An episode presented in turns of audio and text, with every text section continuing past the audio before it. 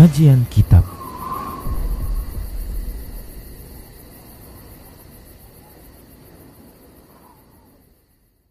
Bismillah, Assalamualaikum warahmatullahi wabarakatuh.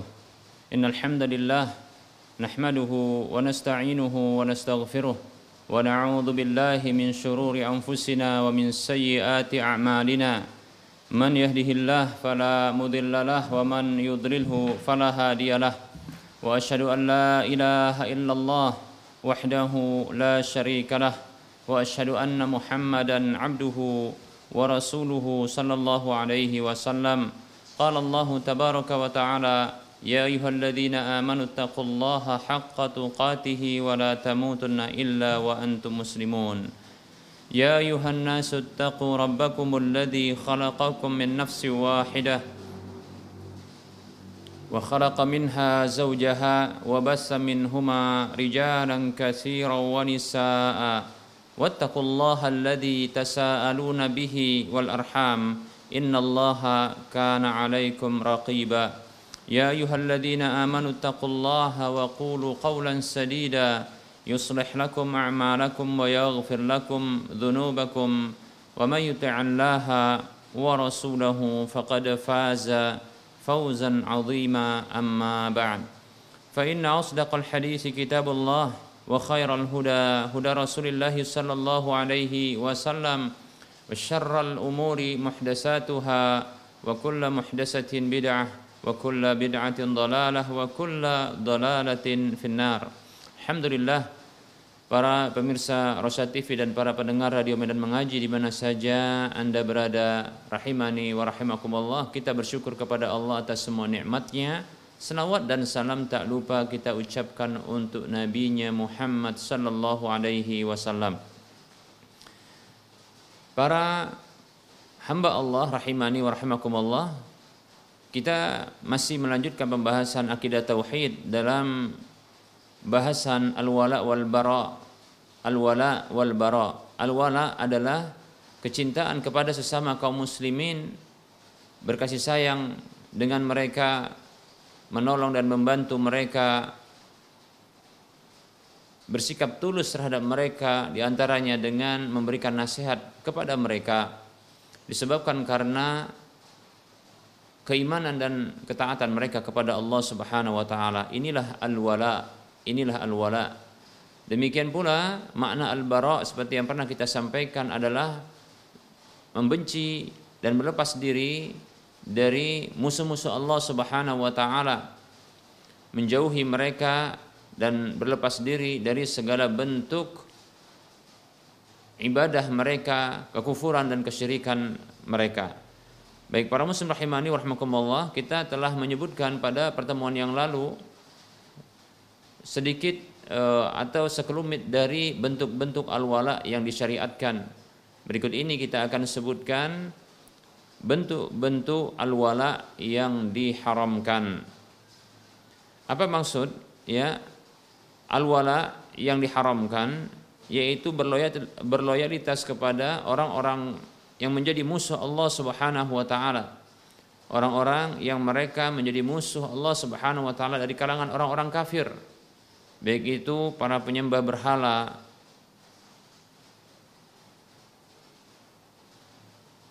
dari kalangan orang-orang Buddha, Hindu, Majusi, begitu juga orang-orang yang mereka diberi Alkitab oleh Allah Subhanahu wa taala yaitu Yahudi dan Nasrani. Termasuk di antara mereka adalah ya orang-orang munafik, orang-orang munafik. Baik para muslim rahimani wa rahimakumullah. Ini adalah mualah yaitu bentuk wala loyalitas yang diharamkan yang ditujukan kepada mereka. Ya. Tentunya ini diharamkan tanpa ada keraguan lagi. Baik para muslim rahimani wa rahimakumullah, bentuk loyalitas ya al-wala yang diharamkan terhadap mereka ini terbagi menjadi dua. Yang pertama adalah ya bentuk loyalitas yang menyebabkan pelakunya ini terancam kufur, terancam keluar dari Islam. Kemudian yang kedua adalah bentuk loyalitas yang diharamkan yang tidak sampai kepada derajat kekufuran atau kekafiran. Baik kita akan mencoba untuk menyebutkan contoh-contoh ya. Jenis yang pertama yaitu loyalitas loyalitas yang diharamkan yang ini menyebabkan kekufuran. Baik, di antaranya adalah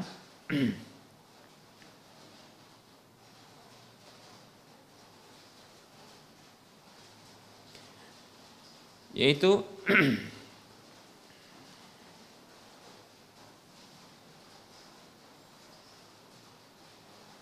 uh, menyelenggarakan atau mendirikan negeri-negeri kafir ya. Mendirikan negeri-negeri kafir. Mengadakan negeri-negeri kafir. Membantu untuk mendirikan ya eh, negeri-negeri kafir. Ya, atau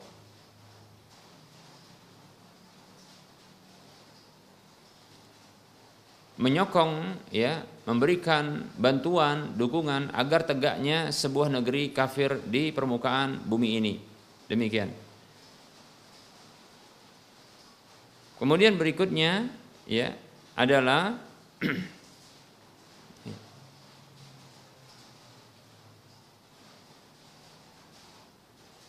menyokong atau menyelenggarakan ritual-ritual ya agama-agama e, kekafiran ya. menyelenggarakan atau mendukung ya kegiatan-kegiatan ritual-ritual keagamaan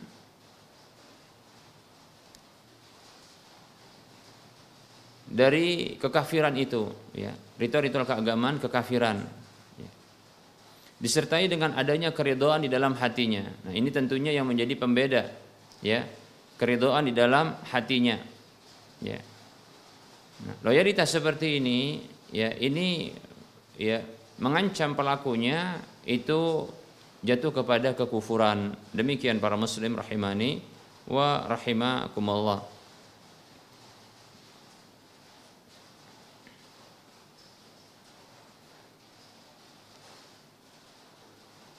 Begitu juga contohnya ya bila satu negeri kafir ya mengadakan kegiatan ritual keagamaan mereka lantas kita turut ya atau seseorang itu turut serta di dalam merayakan mendukung ya memeriahkan bahkan memuji agama mereka ya.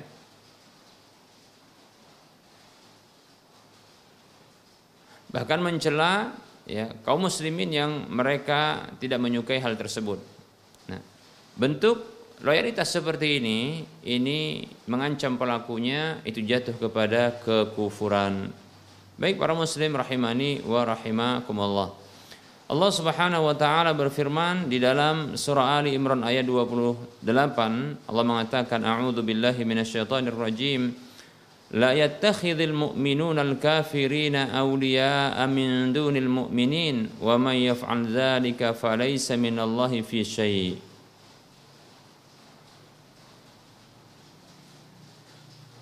Allah berfirman yang artinya janganlah uh, janganlah orang-orang beriman itu menjadikan orang-orang kafir sebagai orang yang mereka berloyalitas terhadap mereka ya. Yang bukan kepada orang-orang beriman ya. Maka siapa saja melakukan hal tersebut maka ya tidak tidak ada ya uh, tanggungan sedikit pun dari Allah Subhanahu wa taala untuknya. Demikian Nah, orang yang berloyalitas dari kalangan orang-orang kafir kepada orang-orang dari kalangan orang-orang Islam kepada orang-orang kafir serta ridho ya terhadap agama mereka ya bahkan ya menjauhi kaum muslimin mencela kaum muslimin maka orang seperti ini terancam jatuh kepada kekufuran jatuh kepada kekufuran dan dikhawatirkan ia menjadi musuh bagi Allah Subhanahu wa taala dan rasulnya serta orang-orang beriman. Demikian para muslim rahimani wa rahimakumullah. Kita ulangi siapa saja yang berloyalitas kepada orang kafir dari kalangan orang-orang beriman ini, siapa saja yang dari kalangan orang-orang beriman ini mereka memberikan loyalitas kepada orang-orang kafir dengan seperti ini ya yaitu e, menegakkan sebuah ya negara kafir. Nah begitu juga ya e, ridho dengan ritual-ritual kekafiran kesyirikan ya ridho dengan agama mereka ya. Bahkan sebaliknya menjauhi kaum muslimin bahkan mencela kaum muslimin ya. Maka yang seperti ini terancam ya pelaku yang seperti ini orang yang memiliki loyalitas kepada orang-orang kafir seperti ini yang mereka itu dari kalangan orang-orang kaum muslimin maka terancam jatuh kepada kekafiran atau kekufuran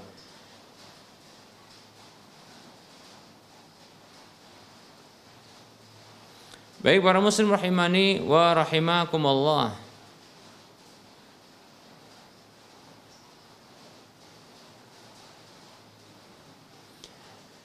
Di antara ya bentuk loyalitas di antara bentuk loyalitas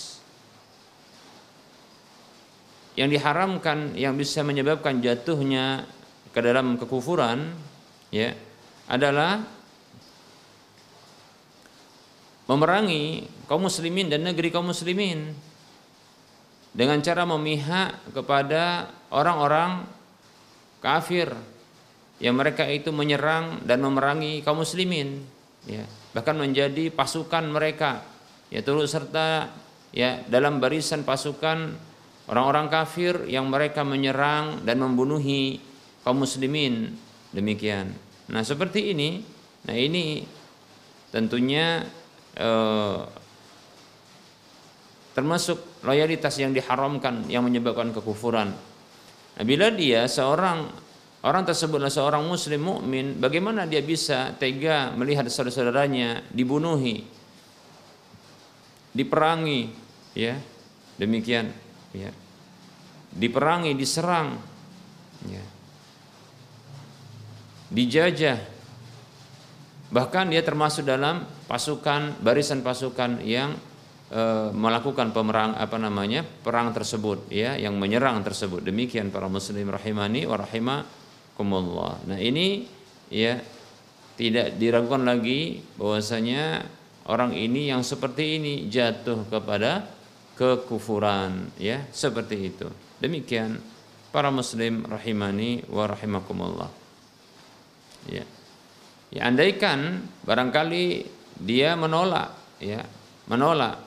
Tentunya penolakan itu menolak contohnya adalah hatinya menolak namun fisiknya dipaksa. Bagaimana bisa? Ya bagaimana bisa?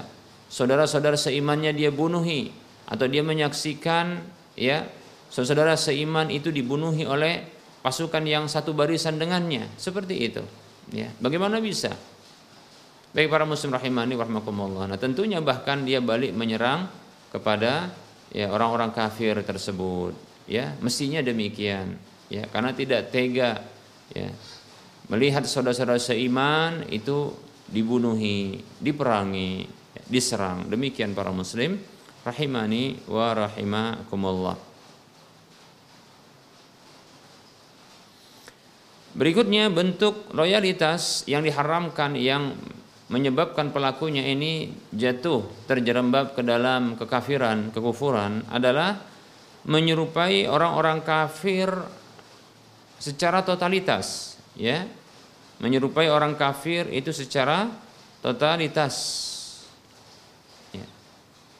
Itu dengan cara menyerupai mereka ya dalam ya amal-amal, perbuatan-perbuatan, tindakan-tindakan, kegiatan-kegiatan mereka, ya memakai pakaian-pakaian mereka ya begitu juga mengikuti mereka dalam bentuk syiar-syiar yang khusus ya lebih-lebih tinggal juga bersama mereka mengikuti kegiatan-kegiatan ya keagamaan mereka turut serta di dalam perayaan-perayaan ya keagamaan mereka. Nah seperti itu. Dan seterusnya sampai-sampai tidak bisa dibedakan lagi apakah ini orang muslim ataukah orang kafir. Demikian. Nah, tentunya siapa saja melakukan hal seperti ini, maka ini bentuk loyalitas kepada orang kafir loyalitas yang diharamkan yang menyebabkan pelakunya ini terancam jatuh kepada kekafiran berdasarkan ijma kaum muslimin. Demikian para muslim rahimani wa rahimakumullah. Ya.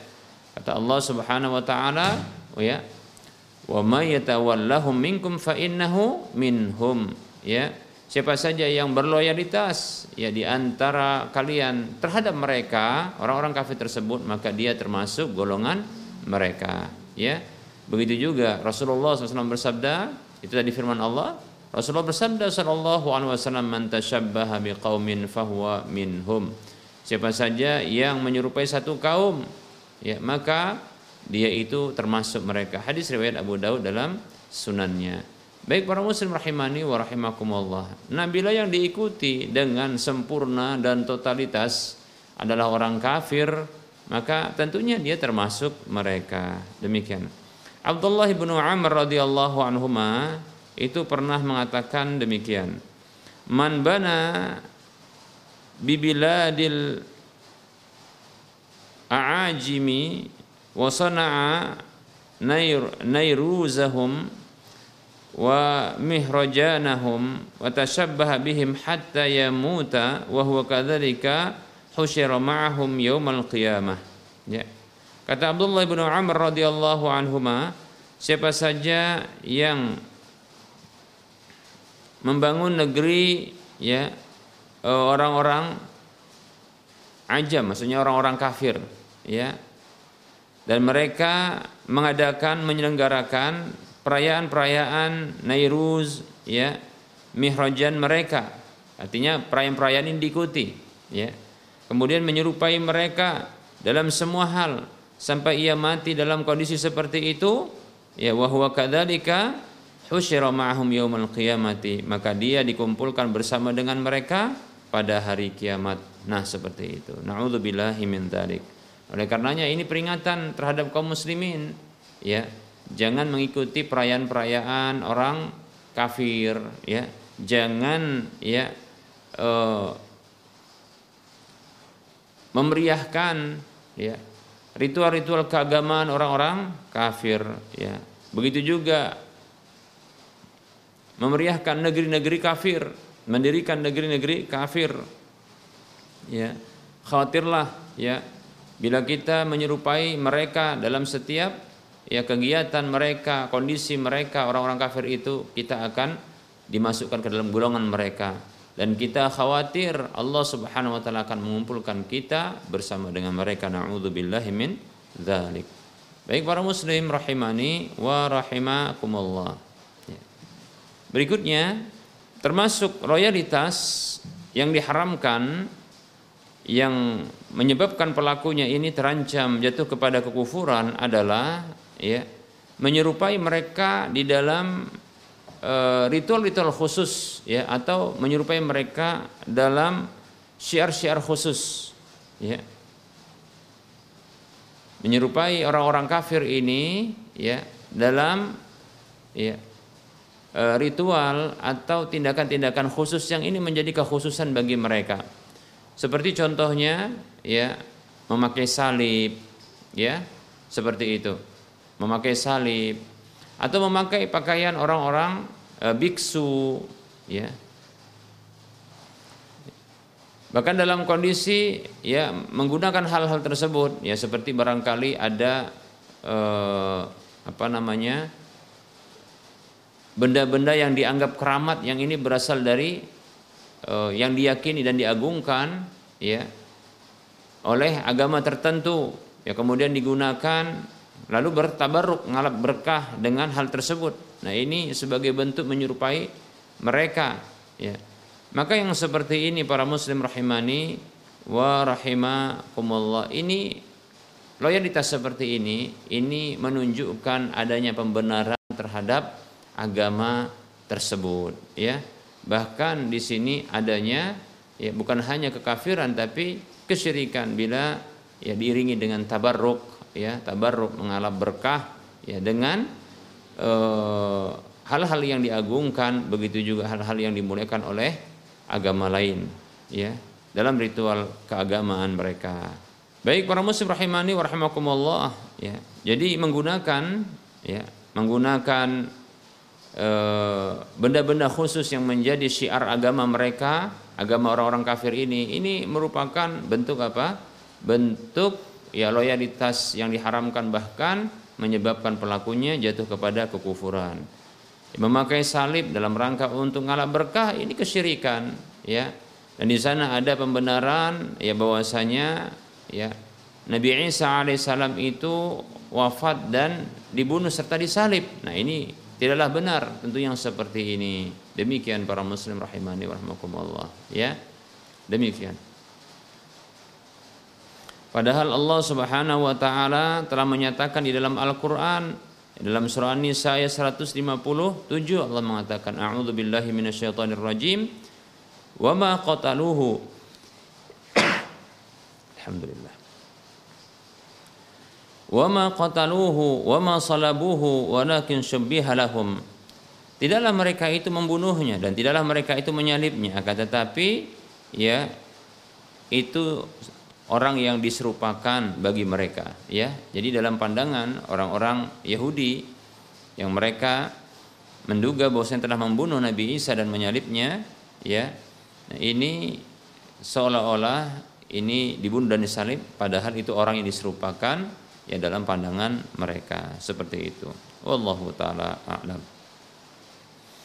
Baik ya. Jadi tidak boleh untuk mengikuti kegiatan-kegiatan atau e, melakukan ya tindakan-tindakan kekhususan bagi orang-orang kafir. Memakai pakaian khusus ya e, kemudian menyelenggarakan ya e, peringatan atau acara-acara keagamaan ritual-ritual agama yang khusus bagi mereka. Yang itu merupakan bentuk ibadah mereka. Ikut serta dalam kegiatan tersebut. Ini bentuk loyalitas yang ya yang diharamkan sekaligus bisa jatuh ke dalam kekufuran. Baik para muslim rahimani wa rahimakumullah. Nah, kita cukupkan terlebih dahulu ya untuk penyebutan eh, bentuk-bentuk loyalitas yang diharamkan yang ini merupakan ya loyalitas yang diharamkan yang termasuk jenis ya kekufuran yang pelakunya itu terancam jatuh ke dalam kekufuran. Demikian para muslim rahimani wa rahimakumullah. Kita akan lanjutkan dengan sesi soal jawab ya. Kita akan lanjutkan dengan sesi soal jawab. Ada pertanyaan bismillah. Assalamualaikum Ustaz. Saya mau bertanya, saya diundang oleh teman sekantor untuk pesta. Undangan pesta. Dia seorang Nasrani. Saya pasti tidak datang namun kalau saya beri uang bagaimana Ustaz? Syukron jawabannya. Baik. Bismillah ya. Waalaikumsalam warahmatullahi wabarakatuh. Sesungguhnya menghadiri undangan orang kafir bukanlah sebuah kewajiban bagi orang muslim untuk menghadirinya. Ya. Ini sepengetahuan saya karena tidak ada dalil yang menunjukkan hal tersebut, ya. Adapun menghadiri undangan yang diwajibkan adalah apabila undangan tersebut berasal dari kaum muslimin. Itu hukum asalnya. Kata Nabi Shallallahu Alaihi Wasallam ya hakul muslimi alal muslim khamsun. Hak seorang muslim atas muslim yang lainnya ada lima. Di antaranya wa ijabatu da'wati memenuhi undangan. Demikian hadis riwayat Bukhari dan Muslim. Baik ya. Nah Adapun memenuhi undangan orang kafir tidaklah wajib. Apakah boleh untuk hadir? Jawabannya boleh dengan syarat tidak ada kemaksiatan padanya, ya. Seperti contohnya tidak ada musik-musik, tidak ada ritual-ritual keagamaan, kekufuran mereka, ya. Tidak ada juga e, minuman-minuman keras dan makanan-makanan haram yang dihidangkan dan seterusnya. Maka ini boleh untuk hadir. Bila tidak hadir, maka tidak ada dosa. Ya, wallahu taala alam. Ketika memberi uang, apakah boleh? Jawabannya juga boleh karena tidak ada larangan. Ya, nah, cuma kita katakan kalau seandainya ya kepada orang kafir saja itu diberikan uang, maka lebih layak juga untuk memberikan uang kepada kaum muslimin ya dalam uh, undangan-undangan mereka. Begitu maksudnya kalau ingin memberikan ya pemberian. Nah, seperti itu ya. Tentunya demikian. Nah, maka jawabannya adalah boleh insya Allah Taala memberikan uang kepada mereka. Asalkan uang tersebut diketahui tidak akan digunakan untuk ritual keagamaan ya mereka begitu juga untuk kemaksiatan-kemaksiatan yang lainnya ya. Jika hanya untuk ya e, keperluan mereka saja ya kebutuhan mereka maka boleh-boleh saja. Wallahu taala a'lam. Baik ada pertanyaan Uh, Bismillah, maaf nama saya Basri dari Sulbar, Sulawesi Barat ya sepertinya. Ya, saya mau bertanya Ustadz, apa yang dilakukan oleh keluarga orang yang telah wafat setelah pemakaman mayit? Apakah harus bertakziah selama tiga malam berturut-turut seperti yang dilakukan sebagian orang? Atau bagaimana Ustadz? Syukran jazakallahu khairah. Baik, Bismillah eh, setelah pemakaman mayit dilakukan maka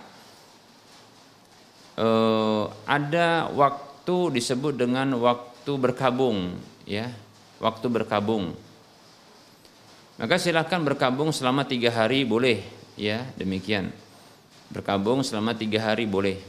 Tidak melakukan aktivitas demikian. Adapun untuk wanita yang ditinggal mati oleh suaminya ya maka ya masa berkabung mereka adalah empat bulan sepuluh hari ya seperti itu. Empat bulan sepuluh hari. Berdasarkan firman Allah Subhanahu wa taala ya walladzina yutawaffawna minkum wa yadharuna azwaja yatarabbasna bi anfusihi bi anfusihinna arba'ata ashhuri wa ashra. Ya wanita-wanita uh, orang-orang ya. Dan orang-orang yang diwafatkan di antara kalian dan mereka itu meninggalkan istri ya. Maka masa menunggu para istri tersebut adalah empat bulan sepuluh hari. Menunggu itu waktu berkabungnya seperti itu ya. Baik ya. Adapun pada umumnya maka tiga hari wallahu taala alam ya. Apa yang dilakukan dalam kondisi seperti ini ya beribadah kepada Allah Subhanahu wa taala ya. Beribadah kepada Allah Subhanahu wa taala ya. Menyelesaikan hutang bisa juga dilakukan ya. Menyelesaikan hutang dari si mayit ya. Melaksanakan wasiat demikian. Demikian ya. Seperti itu. Dan banyak berdoa untuk si mayit demikian ya. Dan seterusnya sesungguhnya bukan hanya terbatas ya tiga hari ini saja namun segera ya hutang itu diselesaikan dan wasiat itu diselesaikan karena sesungguhnya ya uh, hutang kepada manusia ya ini akan menyebabkan ya menyebabkan ya kerugian bagi si mayit tersebut bila belum diselesaikan. Kata Nabi SAW, nafsul mu'mini mu'allaqatun bidainihi hatta yuqda anhu. Ya, Jiwa seorang muslim mukmin itu terkatung-katung bergantung dengan hutangnya sampai dibayarkan. Seperti itu, sampai dibayarkan.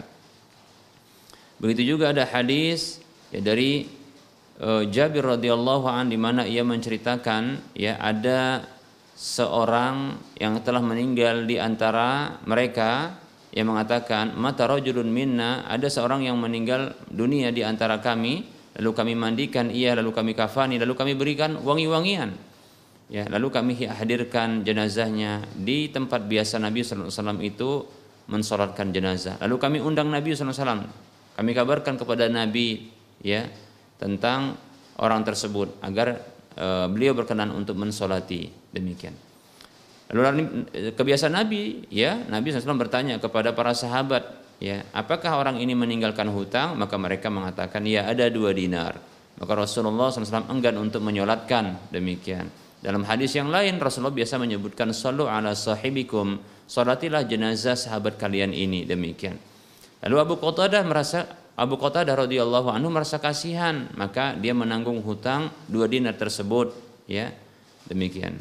Maka Rasulullah SAW mengatakan kepadanya Apakah dua dinar itu masuk ke dalam hartamu menjadi tanggunganmu dan mayit ini terlepas darinya? Maka ya eh, Abu Qatadah radhiyallahu anhu mengatakan na'am ya seperti itu. Maka Rasulullah pun mulai mensalati ya. Lalu diselenggarakan jenazah sampai dikuburkan. Setiap kali bertemu dengan Abu Qatadah radhiyallahu anhu, Rasulullah bertanya tentang dua dinar itu, apa yang telah dia lakukan terhadap dua dinar itu. Ya. Abu Qatadah radhiyallahu anhu tidak bisa menjawab ya dengan kalimat iya karena dia belum menyelesaikannya. Sampai pada waktu di mana beliau ya Abu Qatadah radhiyallahu anhu ini uh, menyelesaikannya, maka dia datang kepada Nabi sallallahu alaihi wasallam sembari mengatakan qad qadaituhuma Aku telah selesaikan itu wahai Rasulullah keduanya, dua dinar itu. Maka berkata Rasulullah SAW bersabda Rasulullah SAW kepada Abu Qatadah radhiyallahu anhu, "Al-ana hina barratta alaihi jildahu." Ya, sekaranglah barusan yang engkau dinginkan kulitnya. Demikian para muslim rahimani warahmatullah. Ya, hadisnya sahih. Kalau nggak salah ini hadis riwayat Ahmad. Baik ya. Nah, oleh karena selesaikan hutangnya seperti itu, selesaikan hutangnya segera ya begitu juga hutang kepada Allah yaitu berupa wasiat selesaikan juga ya demikian.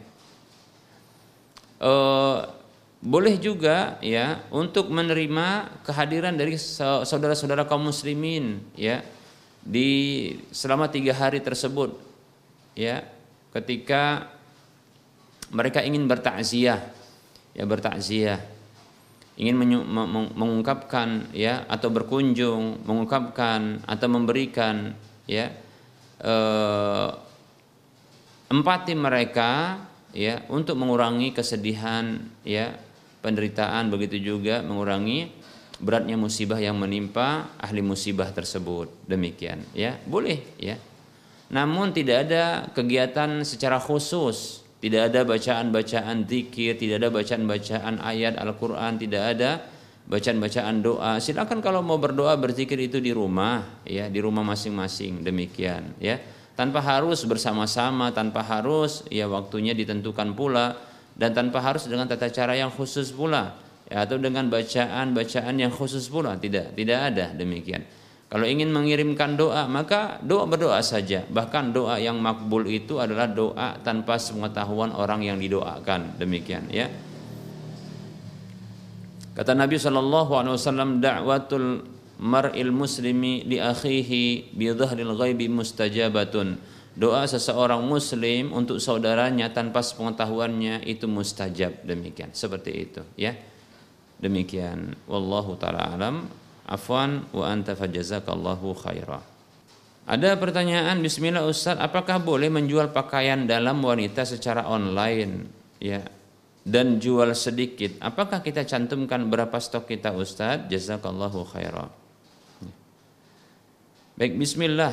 Boleh saja ya untuk menjual pakaian dalam wanita tidak masalah. Ya asalkan jangan sampai ya menghadirkan model wanitanya dengan memakai ya apalagi memakai pakaian dalam tersebut. Naudzubillah min dzalik. Ya, jangan ya. Ya cukup saja mungkin apa namanya e, disebutkan mereknya warnanya yang tersedia kan begitu ya. Demikian. Nah kalau seandainya ada merek yang lain mungkin e,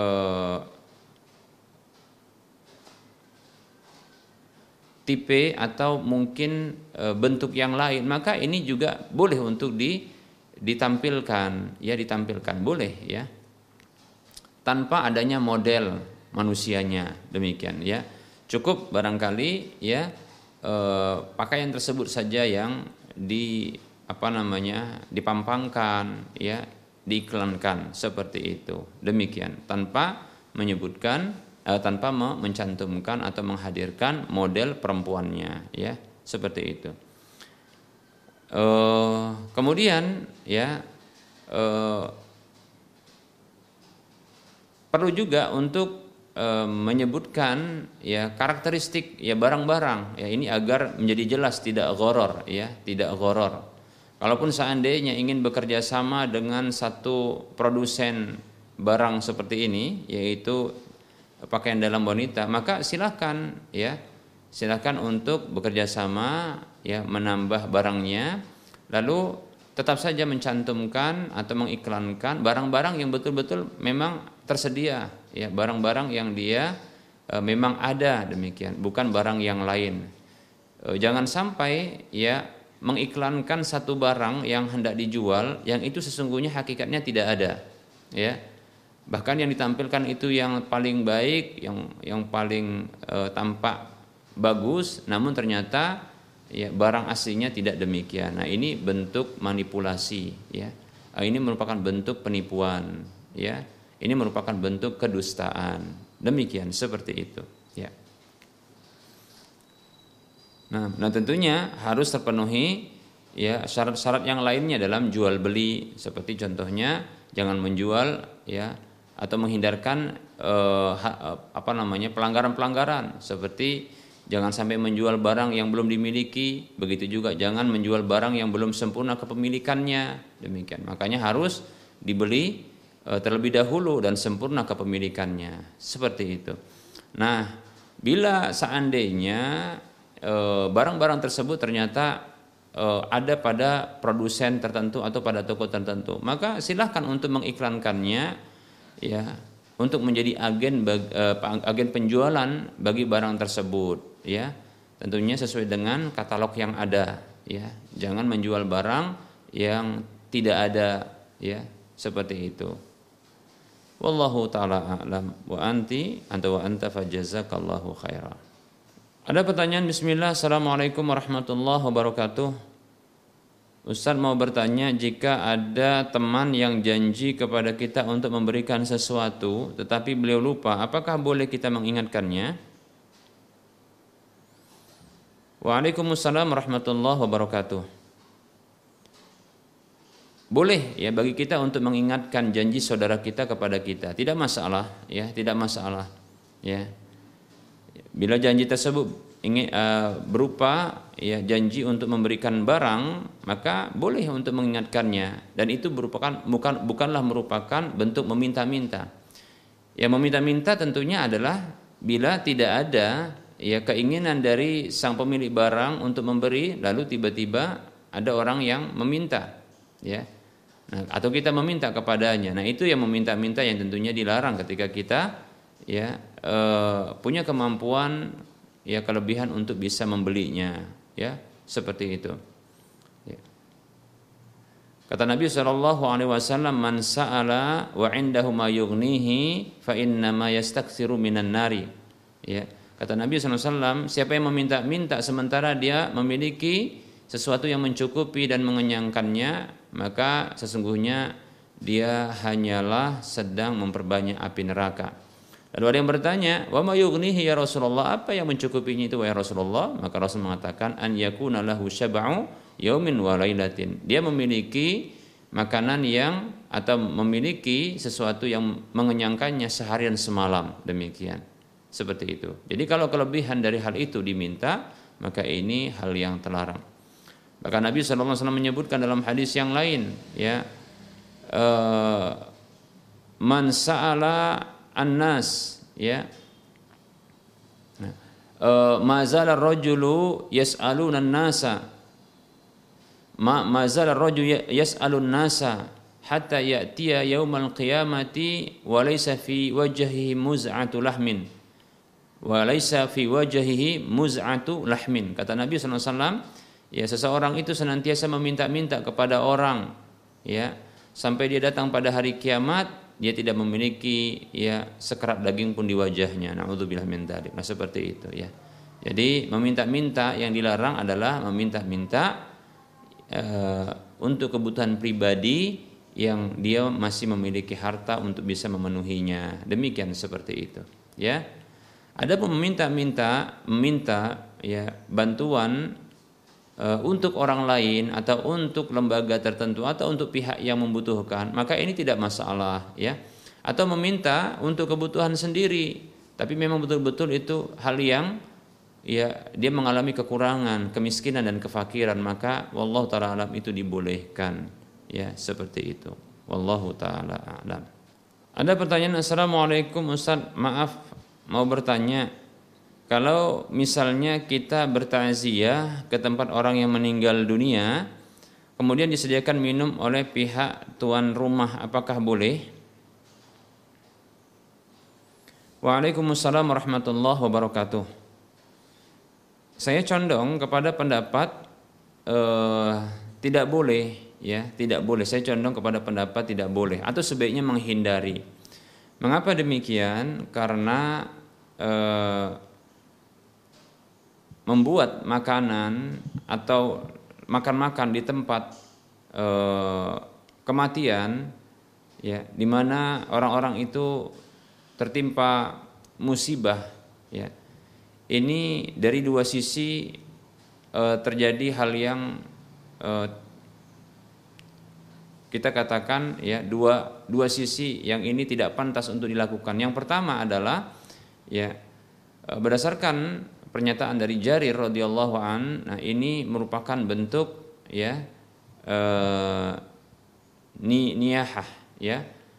Kata beliau ya eh, kunna na'uddu eh, al-ijtima' wa sina'ati ta'am fi ahli musibah ya minan niyahah atau kama qala radhiyallahu anhu. Dahulu kami menganggap bahwasanya ya e, berkumpul-kumpul kemudian membuat makanan tentunya makan ya ya di tempat orang yang meninggal dunia ini yaitu merupakan termasuk niyahah yaitu meratap. Demikian seperti itu. Ini sisi yang pertama. Sisi yang kedua adalah ya e, bagaimana bisa kita menikmati makanan ya di tempat orang yang sedang mengalami musibah sementara mungkin dia sulit untuk makan dan minum. Orang yang tertimpa musibah. Ini kurang etis kurang tepat ya memakan makanannya, meminum minumannya, demikian ini kurang tepat. Wallahu taala alam. Ini kurang etis ya. Bagaimana kita bisa ya mungkin ya bergembira, menikmati makanan atau minuman yang sesungguhnya itu ditujukan untuk mereka. Nah, itu kita nikmati ya. Padahal mungkin mereka itu tak selera makan atau tak selera minum karena mereka sedang ditimpa musibah. Wallahu taala alam. Saya condong ini dihindarkan ya Demikian. Wallahu a'lam. Baik para muslim rahimani wa rahimakumullah. Eh, barangkali ini yang bisa kita sampaikan pada pertemuan kali ini ya. Mohon maaf bila ada kesalahan dan kekurangan di dalam penyampaian. Kebenaran itu datang dari Allah Subhanahu wa taala, kekurangan dan kesalahan itu datangnya dari saya pribadi dan bisikan syaitan kepada Allah saya mohon ampun dan kepada para pemirsa dan para pendengar sekalian saya mohon maaf. Dan juga kembali saya mengingatkan diri sendiri memotivasi diri sendiri dan kaum muslimin seluruhnya lewat media Rosa TV ini. Mari kita sisihkan sebahagian dari harta kita kita donasikan untuk pembebasan lahan yang nantinya akan dibangun masjid ya al muwahhidin di wilayah Medan dan sekitarnya. Ya. Silakan arahkan donasi Anda ke Bank Syariah Mandiri atau Bank Syariah Indonesia di nomor rekening 7127485555 atas nama Yayasan Lajena Dakwah Medan kode bank 451 demikian ya. Silakan ya. Mudah-mudahan ini ya harta yang kita sisihkan ini ini menjadi sedekah jariah kita. Itu sedekah yang terus mengalir pahalanya karena akan dimanfaatkan terus ya. Apa saja kegiatan ibadah di masjid tersebut bahkan sekedar ya orang berteduh saja karena khawatir kehujanan atau mungkin berteduh karena khawatir kepanasan demikian. Ya maka siapa pun yang mengambil manfaat dari uh, ada keberadaan lahan itu ya lebih-lebih bila di dilaksanakan ibadah di dalamnya seperti contohnya sholat baik yang wajib maupun yang sunat begitu juga membaca Al-Quran begitu juga barangkali ya kegiatan kajian-kajian ilmiah yang membuat kaum muslimin semakin mengenal kewajiban-kewajiban mereka sehingga mereka mengerjakannya yang mengenal larangan-larangan dari agama mereka sehingga mereka meninggalkannya maka kita akan mendapatkan bahagian pahalanya yang terus mengalir insya Allah taala walaupun kita telah tiada. Semoga bermanfaat dan termotivasi. Wassallallahu ala Muhammad wa ala alihi wa ashabihi ajma'in. Subhanakallahumma wa bihamdika asyhadu an la ilaha illa anta astaghfiruka wa atubu ilaika walhamdulillahi rabbil alamin. Wassalamu alaikum warahmatullahi wabarakatuh.